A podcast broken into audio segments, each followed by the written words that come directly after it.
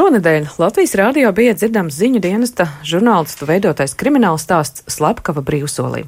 Tas ir stāsts par kādu neatklātu slepkavību pirms desmit gadiem Saukalnē, kad veikalā nogalināja pārdevēju, bet slepkava joprojām nav atrasts.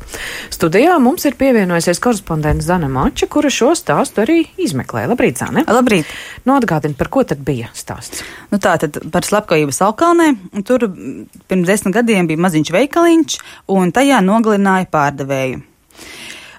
Sākumā Policijai bija aizdomās turamais, viņš kļuva arī par apsūdzēto, un pirmās instances tiesai šķita, ka ir pietiekami daudz pierādījumu, lai viņu notiesātu. Viņam piesprieda 15 gadus cietumā, bet spriedumu pārsūdzēja, jo Šaros vainu neatzina, un augstākā tiesa spriedumu atcēla, teica, ka nav pierādījumu, lai viņu notiesātu. Un senāts, kā kasācijas instancē, šo spriedumu atstāja spēkā. Līdz ar to nu, vainīgais joprojām nav noskaidrots. Un, uh, interesanti bija tas, ka kasācijas instance savā spriedumā norādīja uz to, ka policija lietu izmeklējot ir pieļāvusi vairākus nu, būtiskus tādus pārkāpumus, piemēram, atpazīstot iespējamo vainīgo, parasti likums saka, ja cilvēks ir aizturēts, tad uh, viņš ir jāuzrāda iespējamajiem lieciniekiem dzīvajā. Tas nozīmē, ka cilvēks jāvada uz iecirkni un uh, liecinieks, un tad viņam nostāda rindiņā cilvēkus. Nu, no kā esam redzējuši, nu, tieši filmās. kā filmās rāda. Un policija tā nedarīja. Viņi uzrādīja fotogrāfijas, pases kopētās, un uh, viņas bija sliktas kvalitātes, un vienā gadījumā pat izrādījās, ka lieciniekam ir uzrādīta fotogrāfija, kurā, nema, kurā viņš ir atpazinis, ka tas ir šis Šarovs vīrietis, kuru turēja aizdomās, bet izrādījās, ka tā nav nemaz bijis Šarova fotogrāfija.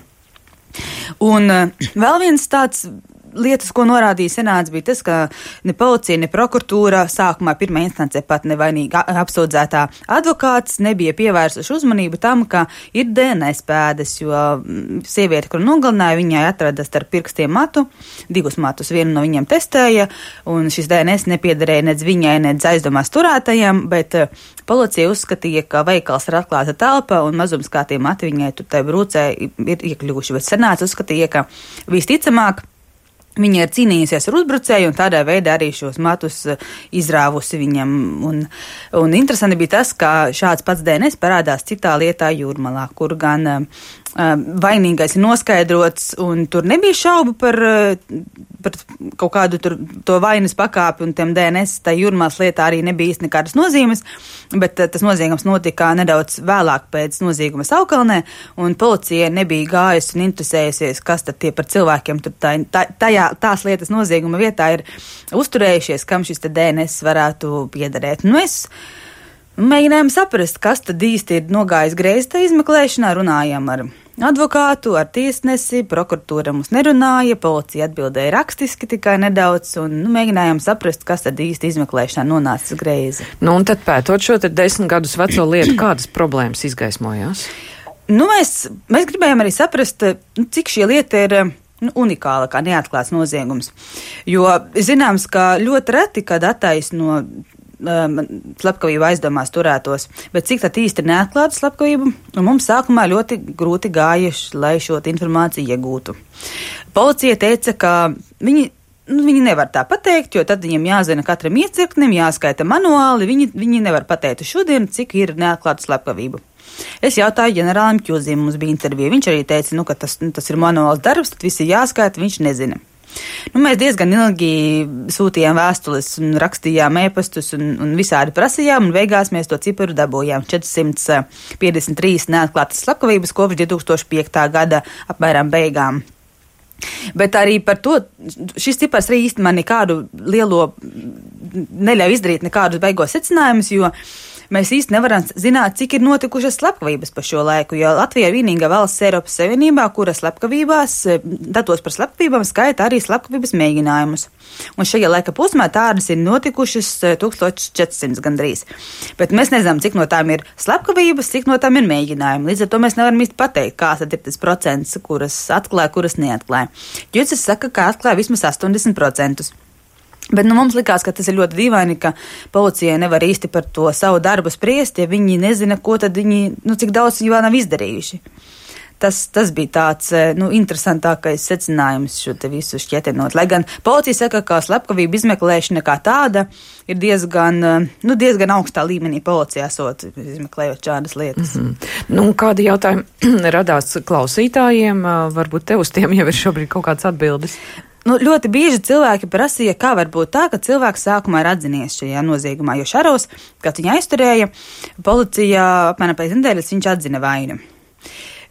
Un uh, viņš vēlāk teica, ka viņš tā tad ir vienkārši piespiests cietumā, ka viņa kameras biedrs esot tur piespiedis atzīties.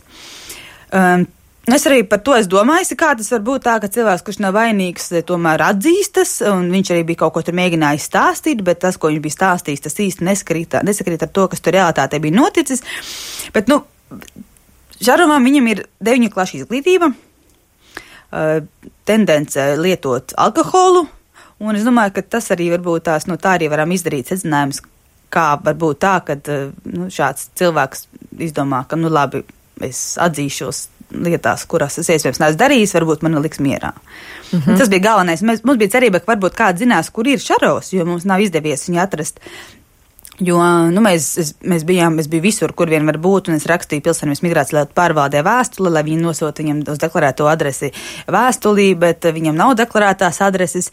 Bet, nu, diemžēl pagaidām neviens vēl nav atsaucies, neviens nav ziņojis, kurš varbūt zinātu, kur šis vīrietis šobrīd atrodas. Oh. Līdztekus tavam stāstam ik pa laikam Latvijas radio skandēja arī dažni dažādas infoklipus, vai ne, kas ir saistīti ar šo lietu. Kolēģi tev palīdzēja, ko jūs tur pētījāt un ko vēl atklājāt? Uh, nu jā, mēs, mums interesē dažādas lietas, gan, teiksim, šīs neatklātās slepkavības skaits, gan, piemēram, kas notiek ar DNS un vispār ar tāda veida izmeklēšanu, visādām palī, palīgiem, kas palīdz lietas izmeklēt, un tad mēs gribējām arī saprast, eh, kāda ir cietušā loma eh, slepkavību izmeklēšanā. Nu, piemēram, šī gadījumā, kad ir tik daudzi gadi pagājuši, vai policijai ir pienākums kaut kādā veidā uzturēt, turēt lietas kursā cietušo, kas ir nogalinātā radinieki. Eh, nu, informēt, kas notiek ar izmeklēšanu, un kolēģis Rudolfs Krieviņš to skaidroja, varam paklausīties. Kā valsts palīdz slepkavībā cietušajiem? Personai, kura atzīta par cietušo krimināla procesā, ir tiesības saņemt valsts kompensāciju par tīša nozieguma rezultātā radīto kaitējumu, morālo aizskārumu, fiziskajām ciešanām vai mantisko zaudējumu. Visos gadījumos kompensāciju var saņemt vardarbībā cietušais, bet slepkavības gadījumā mirušā tuvinieks, kuru atzīst par cietušo.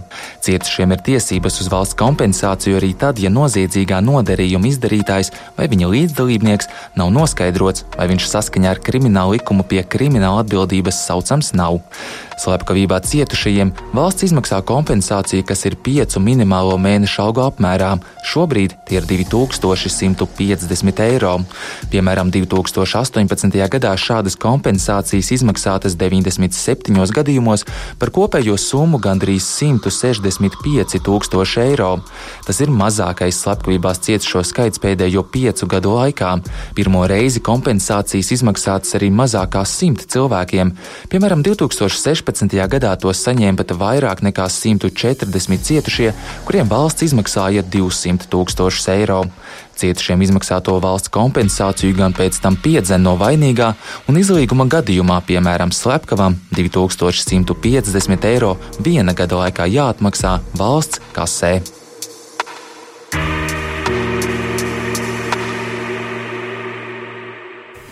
Tik tālu Rudolf Krieviņš, bet uh, studijā ir vēl Zana Mača. Kur šo stāstu slepkava brīvsolī vēl var noklausīties vai dzirdēt, vai varbūt bildes apskatīt? Jā, Latvijas radio ziņu dienas šo kriminālu stāstu var noklausīties sabiedrisko mediju portālā lsm.lv. Tur ir arī bildes un video un arī dažādi citi materiāli, kas saistīti ar šo lietu, gan infografiks, gan kartes, gan nu, visādas citādas lietas tur var atrast. Tad to var dzirdēt arī podkāstā tātad ierīcēs, kurās eh, nu, cilvēki klausās podkāstus, viņiem jāievada meklētājām slepkava brīvsolī, un viņam, viņš atradīs šo te stāstu. Un tāpat arī Latvijas radio YouTube kanālā var atrast tādus lasām video ko mēs eksperimenta kārtā izmēģinājām, kas ir video, kur jūs dzirdat skaņu, Bet var lasīt. Un var tekstu. lasīt arī tekstu vienlaicīgi. Es to izmantoju, bija tīri interesanti. Jā. Pārmaiņas pēc. Paldies, paldies, studijā bija žurnāliste Zane Mača un runājām tātad par ziņu dienesta žurnālistu veidoto kriminālu stāstu Slepkava brīvsolī.